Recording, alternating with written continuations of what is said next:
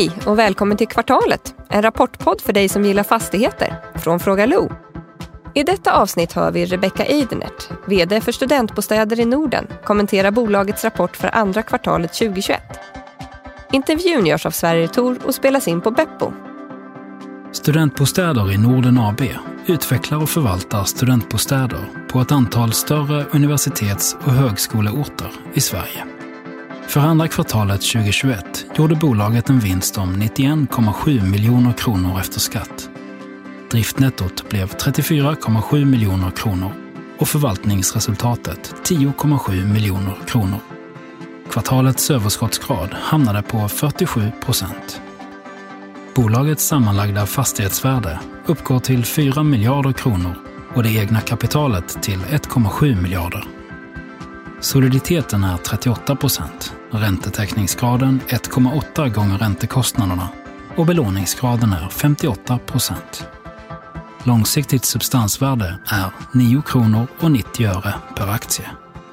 Bolagets VD är Rebecca Eidenert.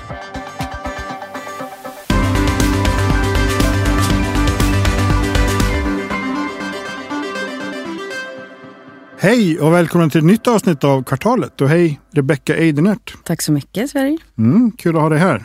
Jättekul att vara här. Ja. Första gången. Första gången, men tydligen inte en poddpremiär. Nej, Det har du gjort någon förr. jag har hunnit med en här under våren. Mm. Så det är spännande miljö. Ja, eller hur? Hörru du, eh, vi ska börja med att lyssna på, på Niklas Höglunds snabbanalys av, av rapporten. Ja, snabbanalysen av studentbostäder i Norden. Det är ju ett relativt nytt bolag för mig och eh, de flesta andra. Och man kan bara konstatera att det är många väsentliga händelser i kvartalet när man läser igenom rapporten. Det finns ett eh, genuint brett intresse för segmentet från internationella kunder och där är man ju van vid att analysera studentbostäder separat som en separat sektor. Då.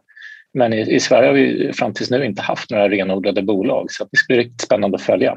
Eh, tittar man på, på rapporten i sig så är det ju hög aktivitetsnivå som förklarar de här väsentliga händelserna. Och, eh, Eh, och man har till exempel inte sett eh, bolag som tidigare visat på tre olika proforma-beräkningar av intjäningskapacitet. I min värld skapar det här en, transparens och förutsättningar att analysera den här aktivitetsnivån framöver. Eh, förvärv som har genomförts och inte tillträtts mer än eh, fördubblar i förvaltningsresultatet under, eller egentligen under 2022 jämfört med dagens rapport så att det är en viktig värdedrivare att ha med sig. Och jag gillar också casebeskrivningen av Campus Träbyn Jönköping eh, vilket eh, underbygger efterfrågan. Men ja, ett litet tips det är att framöver kanske ge en känsla kring projektvinsterna. i, Ja, någonting till årsredovisningen om inte annat. Och tittar man på värdedrivarna för bolaget så är det ju projektportföljen och tillväxtambitionerna framåt som gör bolaget riktigt spännande. Och nu med ett kassaflöde på gång från förvärven. Värderingen ligger kring substansvärdet. Eh, det finns ju ingen referenspunkt till tidigare år egentligen. Ehm, och det här skapar ju såklart potential om bolaget levererar på sina mål om 20% årlig substanstillväxt och som gradvis då liksom bevisar sig att man kan leverera en överavkastning. Och det är ju det som ska bli intressant att följa i de här nästan 2500 lägenheterna man har i sin projektportfölj. Vi är uppe med mer än 50 från dagens bestånd och, och liksom lyckas man att, att utveckla dem där med en bra eh, övervärde så, så kommer det underbygga målen. Eh, så att, eh, det ska bli spännande att följa framöver och grattis till en hög aktivitetsnivå från min sida.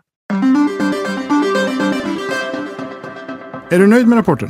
Ja men absolut, det, det är jag. Eh, Vi har verkligen jobbat väldigt hårt i hela organisationen. Vi satte ju upp en handlingsplan precis innan årsskiftet när samgåendet skedde. Och eh, vi har ju följt den tidsmässigt och så att eh, nej, men vi, vi är glada att vi har kommit dit där vi är. Och att vi också har kunnat hålla huvudet högt och gjort så mycket transaktioner som vi har gjort här under våren. Mm. Ja, det är ju en imponerande lista över grejer ni har gjort här hit, Mm. hittills under året. Men om vi börjar med, jag ville prata lite om, om Prime Living och samgående som du är inne på lite senare. Men ni har ju, man märker ju när man går igenom rapporten att alltså det är snabb tillväxt. Det är väldigt svårt att jämföra med, med tidigare kvartal för att det är Mm. helt andra siffror. Så jag, jag Mm. liksom tänker att vi ska inte ens försöka ägna oss åt det.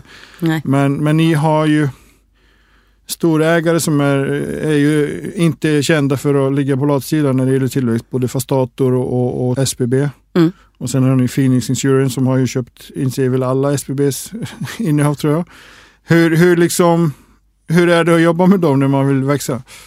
Ja, nej, men den där frågan får ju vi såklart ofta, eh, hur det är att jobba och liksom ha de här ägarna. Jag kommer ju från Rikshem från början eh, och det var ju egentligen eh, mitt första steg in i fastighetsbranschen med, med hyresbostäder. Mm. Så att eh, eh, jag brukar säga att jag, jag vet ingenting annat än att man ska växa så här snabbt. Okej. Mm.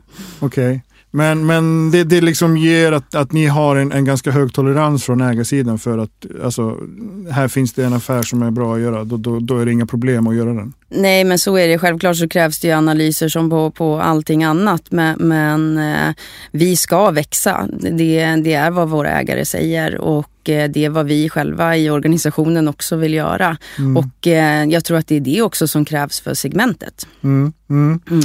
Och, det tänker jag vi kommer in på också lite senare. Det är Mm. ju ett, ett väldigt intressant segment. Men kan inte du bara berätta lite mer om, om eh, tillväxtstrategin? Ett, ett exempel är ju ni har ju gått in ni har ju ändrat namn till Mm. eh, studentbostäder i Norden. Mm. Vilket innebär att Norden förmodligen blir en marknad men inte bara Sverige. Ja. Hur ser liksom fördelningen ut mellan de olika länderna och så vidare? Mm. Eh, Jag tror att det är lite tidigt att säga just nu. Eh, jag tror att man nästan ska backa tillbaka. Vi, startade upp liksom 2018 eh, och, på hösten då egentligen dubblerat oss i princip varje år.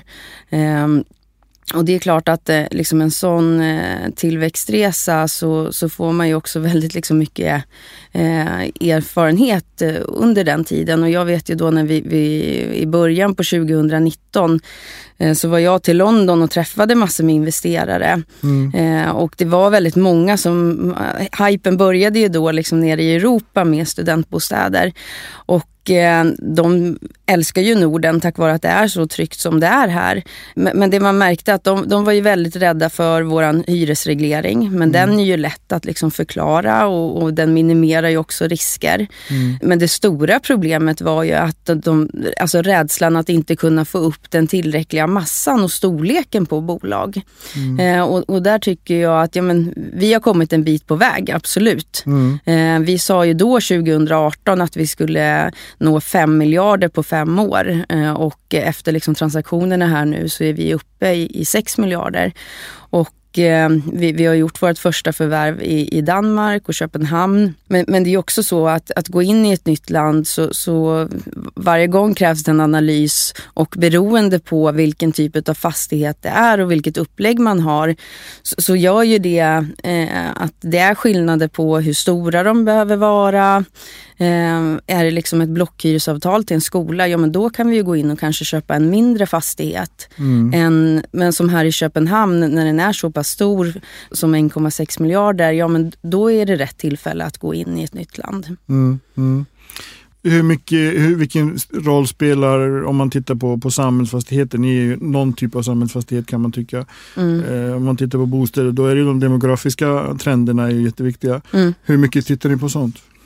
Alltså placerar ni er i städer där, där ni tänker, här kanske det kommer komma liksom, jag menar, en högskola som Mm. blir ett universitet, typ, eller? Ja, men man kan väl säga så ändå att, högskolorna eh, och universiteten flyttas ju inte speciellt ofta i Sverige. Det, det Mm. skedde ju senast på 90-talet. Mm. Eh, då när det militära lades ner eh, och man utnyttjade det på annat sätt. Men vi tittar ju framför allt på alltså, hur ser varje ort ut? Eh, hur många studenter eh, läser där och hur många studentbostäder finns? Eh, och, och sen så såklart eh, hur ligger de studentbostäder som finns i, i läge? Mm. För att eh, jag vet när jag började jobba på Rikshem då, då var det ju ofta så att ja, men hade man en fastighet som man inte visste riktigt vad man skulle göra med. Ja men då gör vi studentbostäder utav det för att studenterna tar lite vad som helst. Mm. Men så är det inte längre. Mm, mm. Ja, de blir ju kräsna som alla Mm. andra. Ja. Man har ju liksom den här klassiska säga, romantiska bilden av, av studentboende. Det är ju korridorer med det är högljudda fester och, och liksom då, dålig hygien höll jag på att säga. Mm. Eh, hur, hur är liksom dagens typiska studentboende? Nej men alltså det är ju så, tittar man på ägarstrukturen i Sverige och den är ju väldigt speciell för att över 80 procent ägs av kommuner, stiftelser eller lärosäten. Mm. Eh, och det gör ju att den privata marknaden har varit en väldigt liten del. Eh, och, och, en stor del utav eh, det beståndet är ju korridorer som är byggt på 60-70-talet och, och, där man inte har renoverat.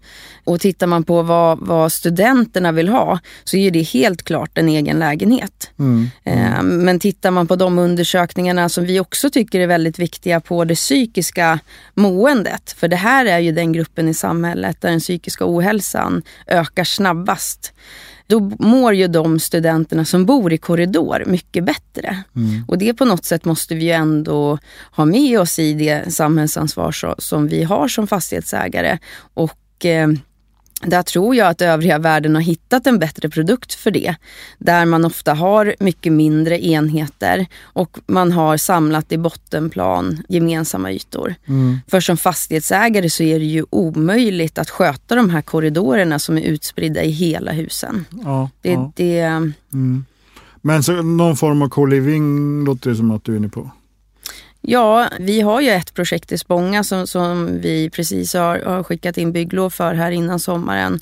Och eh, där tänker vi mer eh, lite sådär hotellobby mm. eh, med gemensamma ytor där man kan umgås men också liksom större kök där man, man kan boka in sig precis som att man bokar tvättstuga. Mm. Ja, men där det ska kunna vara föreläsningar, gym vi försöker få till de här butikerna som inte har personal, eh, där man betalar med bank-id. Eh, mm. Krävs inte så många kvadrat, 40 kvadrat, så, så har du också en enkel livsmedelsbutik i huset. Mm. Mm. Intressant, det är kul, kul att se, se vad som händer där. Du, du nämner ju att, att övriga världen har hittat formen. Vad kan man lära sig av uh, andra länder? Och då menar jag inte bara i liksom hur man utformar studentbostäder utan hur man tänker liksom, mm. För du har varit inne på det, det finns ju en, en otrolig hype i övriga Europa mm. kring just studentbostäder. Och, och jag har ju själv förvånats över att Sverige verkar inte ha hängt med där. Mm. Nej, men jag tror alltså en, en, väldigt stor utmaning som vi har är att eh, när det byggs studentbostäder så, så, är det för få enheter. Så att man, man, får inte ihop den massan som krävs för att ändå kunna betala de här gemensamma ytorna. Mm. Sen så i, i, vissa städer har vi också problem när, när det kommer till hyresförhandling. Eh, där vi inte får räkna in de här gemensamma hyrorna. Eh, i, i liksom beräkningsmodellen. Okay. Ja, och det gör det ju också tuffare att få ihop en, en sån kalkyl. Mm, mm. Men tror du att eh, när liksom, om, om, vi skulle sitta här om tio år, mm. tror du att, att vi kommer att ha en annorlunda marknad då eller blir det samma fast bara lite, lite mer? Ja, men jag tror att vi har en ganska stor skillnad på marknaden. Okay. Eh, och jag tror att det är många ställen där det är studentbostäder idag som det kanske inte kommer vara det i, i framtiden. Mm. Mm. Så min tes om att det finns stor potential i studentbostadsmarknaden, den, den håller? Den håller jag verkligen med Härligt. Härligt. Finansiering. Ni har mm. ju som alla andra, ni måste ha pengar för att bygga. Det räcker mm. inte bara ha, ha tuffa ägare. Nej, men så är det ju. Eh, absolut. Nej, men eh, det är klart, det här är ju också en resa sen, sen samgåendet eh, med alltså hur ska strukturen på finansieringen se ut. Vi gjorde ju vår första obligation här under eh, våren som både är, är, grön och social så att eh, den blev ju hållbar. Vilket vi är, är väldigt glada och stolta över. Mm. Eh, och genom den så, så kunde vi också lösa en tidigare säkerställd obligation som, som fanns. Så att där har ju vi möjlighet möjlighet att istället ta bankfinansiering. Ehm, ja, men vi har ju olika vägar att gå när, när det gäller eh, att få in liksom, kapital till bolaget. Mm. Hur ser du att, att mixen kommer vara? Kör ni liksom 50-50? Kommer ni vara mer bankfinansiering eller? Ilja är ju mm. speciellt förtjust i, i obligationer. Så att... Jo, men han har ju en bra prissättning på sina också. eh, nej men alltså där är det väl så Alltså bankerna har ju verkligen tyckt om vårt segment mm. eh, och, och, det är vi ju glada för. Så att eh, vi har ju kunnat ändå hållit ner våra finansieringskostnader. Eh, vi har många gånger kunnat låna mellan 65 och 75 procent. Mm. Eh, och eh, då finns det inte så stor anledning till att använda någonting annat. Mm. mm. Okej, okay, okay. Bra, du, nu ska vi prata lite Prime Living. För det var ju ett bolag som ja, hade ett ganska skamfilat rykte. Mm. Det var liksom klagomål från alla håll och kanter, från leverantörer, från, från liksom, eh, hyresgäster, från kommunerna. Mm. Eh, det kändes ganska, som ett ganska modigt steg att, att göra det här omvända förvärvet som ni gjorde. Mm, jo, men modigt, det, det är riktigt och man ska ha stor respekt för att det var ett bolag som eh, verkligen kämpade för sin överlevnad i flera år. Eh, och att eh, det är inte någonting som är lätt att ta över. Mm. Utan det behöver man ha tänkt igenom väldigt noggrant. Och eh, vi gjorde ju självklart en gedigen DD innan vi eh, vågade oss på det här. Eh, både utav fastigheterna och eh, bolaget såklart. Och, och det vi visste var att eh, vi kan inte ta över det här utan att ha kapital för att åtgärda det som krävs. Mm. Mm. Hur, har, hur har processen gått? Eh, nej men det har gått bra. De hade ju två stycken projekt som inte var slutförda i Malmö och Stockholm. Mm. Där satte vi i handlingsplanen att eh, två utav tre fastigheter, eh, de två största i Malmö, skulle vara klara innan sommaren. Eh, och eh, hus två i, i Spånga eh, också vara klart innan sommaren. Eh, och, och det lyckades ju vi med. Eh, så att de eh, har vi ju hyrt ut här under hela sommaren till studenter. Så det känns ju jättekul för det, det är ju verkligen städer där bristen är stor. Mm. Mm. Det här co-living-projektet i, i Spånga, är det liksom i anslutning till, till Prem Livings? Ja, precis det som vi har hyrt ut till allihop. Ja, men Ja. det stämmer. Det ligger i bottenplan eh, Okej. på det huset. Okej. Mm. Och det tycker vi är en fantastisk kombination att just young professionals med studenter eh, och allihop är ju väldigt duktiga, ha, har mycket liksom, aktiviteter. Eh, så att det kommer ju bli en fantastisk sammanhållning där i det huset. Mm. Mm.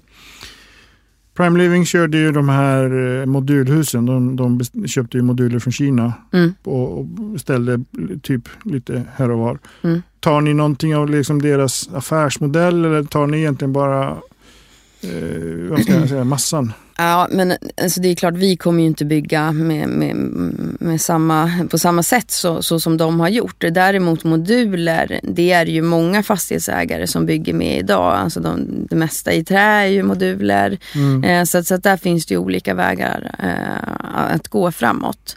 Eh, men men, jag, jag tror ju absolut att vi kommer bygga med moduler. Det kommer vi göra. Mm. Men med en helt annan kvalitet. Okej, okej. Mm.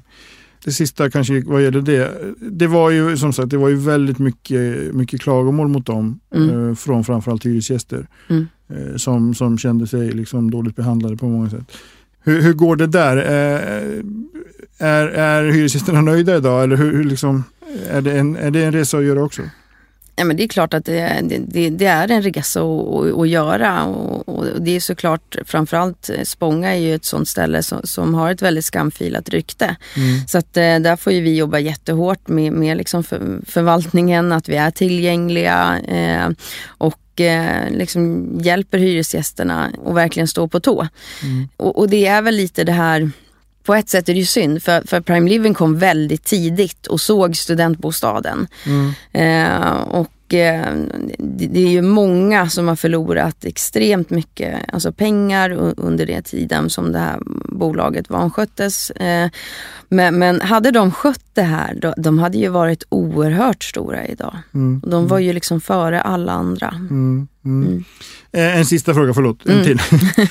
eh, som jag kom på bara nu. Eh, det finns inga sådana här processer igång mot det gamla som, som kom, kan spilla över på De gamla ägarna Alltså, ja. eller? som kan spilla över på er som, som bolag idag? Nej, alltså vi har ju, de gamla ägarna har ju ingen inverkan på, på bolaget idag överhuvudtaget.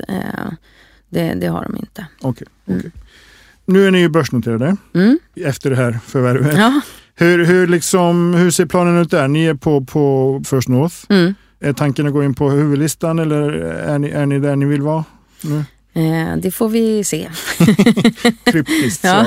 Mm. Eh, men du, jag tänker att vi ska snacka lite mer om, om just marknaden för studentbostäder i Sverige. För det är ju, som du säger, det är mycket kommun, det är ofta allmännytta som äger Mm. I, i de här städerna. Det är stiftelser som, som studentbostäder i Stockholm. Mm. Det finns ju några privata aktörer. K2A kör Mm. ju. Eh, Heimstaden Mm. fick jag veta här innan, Mm. innan vi körde igång. Det är ni. Hur liksom hur tror du att marknaden kommer att se ut? Liksom, kommer den att luckras upp? Så att, eller kommer det krävas liksom nya investerare utifrån som kommer in och, och liksom skapar? För jag vet, med tanke på alla de här som, som du var inne på, ni var i, du var i London och pratade med investerare. Mm. Det, det finns ju ett intresse, det finns ett Mm. enormt sug efter studentbostäder i Europa. Kommer vi se tyska fonder som kommer in hit och bygger? Köper upp och, och liksom skapar? Jo men alltså det, det, det tror jag. Eh, jag tycker faktiskt att ägarstrukturen påminner väldigt mycket om hur det såg ut för samhällsfastigheter förr. Och jag tror att får liksom frågan komma upp i ljuset så tror jag också att kommunerna kanske börjar tänka om. För att det är klart att, att som eh, studentstad så är studenterna viktiga. Mm. Men man får också inte glömma att studenterna är ju inte kommuninvånarna liksom från start utan det är en väldigt stor inflytt. Jag tror att kommunerna skulle må bra av att kanske sälja av liksom en del studentbostäder. Eh, framförallt nu när det finns liksom privata aktörer så, som, som står redo. Och, och ofta i de försäljningar som gjordes tidigare så plockade man ju bort studentbostäderna. Och då hävdade ju ofta kommunerna att ja, men studenten det, det är en sån svag ekonomisk grupp. Men, men så som samhället ser ut idag så är det inte den svagaste gruppen som, som kommunerna har att ta hand om tyvärr. Mm. Mm. Nu är det ju, det är ju slut på augusti. Vid den här tiden på Mm. året så brukar det vara stora rubriker om, om Mm. just bostadsbristen bland studenter. Man behöver hyra in sig på toan på McDonalds typ och, och, och sådär. Det har inte varit jättemycket hittills i år. Är, är det liksom på grund av pandemin? Är det så att marknaden ändå börjar liksom Ja, men jag tycker ändå att det har, har varit ganska mycket i år. Men sen tycker jag det är så intressant när man kommer till, till, till olika städer. Vi har ju bland annat i, i Karlskrona där det är en väldigt stor brist.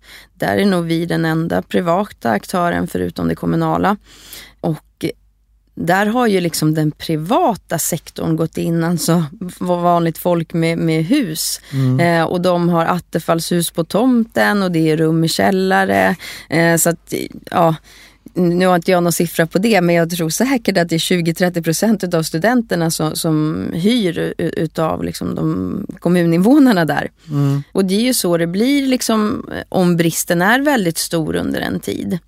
Eh, och, och det är just det här med, med att man pratar väldigt mycket om finns bristen eller inte. Men, men ändå, tittar man på siffrorna så har vi över 400 000 studenter. Vi har 100 000 studentbostäder varav säkert inte 100 000 av dem används som studentbostäder om man ska vara ärlig. Ehm, och det är klart att då hittar ju människor andra lösningar för man måste ju ha någonstans att bo. Men om de får välja fritt, vart vill de bo då? Vill de bo i, liksom hyra ett rum i en källare eller en lägenhet i andra hand? Vi tror ju starkt på att de vill bo med andra studenter. Mm. Mm. Du var ju inne på det här med, med att, att det byggs för små enheter. Behöver kommunerna ta sig i kragen eller, eller vad ska man säga, liksom lära sig en läxa om vad det är som behövs? För det känns ju som att ni skulle behöva större enheter på något sätt. Ja, alltså vi behöver nu i- inte, större liksom enheter, lägenhet, men det behövs byggas mycket mer på ett och samma ställe. Och sen så tror jag kommunerna också behöver fundera över med, alltså på, på vilket sätt har man släppt fram studentbostäder tidigare? Det är ju många kommuner som bara har, har givit ut arrenden och tillfälliga bygglov för studentbostäder. Och det är ju så, alltså en sån typ av produkt där man som fastighetsägare måste gå in med hela det egna kapitalet för att det går inte att få bankfinansiering och den kan stå i 10 till 15 år. Ja, då kan man inte nog förvänta sig som kommun heller ett hus som man bygger som ska stå för alltid. Nej. Rebecka, Mm. nu är det dags att börja en dag. Det har varit jättetrevligt och jag, jag ser framför mig att jag kommer ha många roliga samtal om studentbostäder i Ja. framtida poddar här. Men i den här första säsongen så får alla göra en liten aktiepitch. Mm. Så om jag nu hade lite pengar, varför ska jag lägga dem på studentbostäder i Norden? Ja, men framförallt så ska man ju göra det för sina barn och barnbarn så att det finns en studentbostad. Eh, vi hoppas ju verkligen att våran aktie ska bli en sån som man kan spara och se liksom nyttan i framtiden. Eh, men sen så är det ju också så, vi är ett ungt bolag eh, som har haft en otrolig tillväxt och den tillväxten kommer ju fortsätta. Vi har ju idag en projektportfölj på 2200 lägenheter som vi ska förverkliga inom fem år.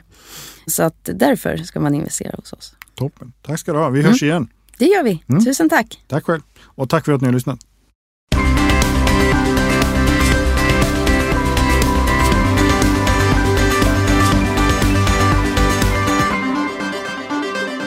Det här programmet görs på Beppo. Beppo.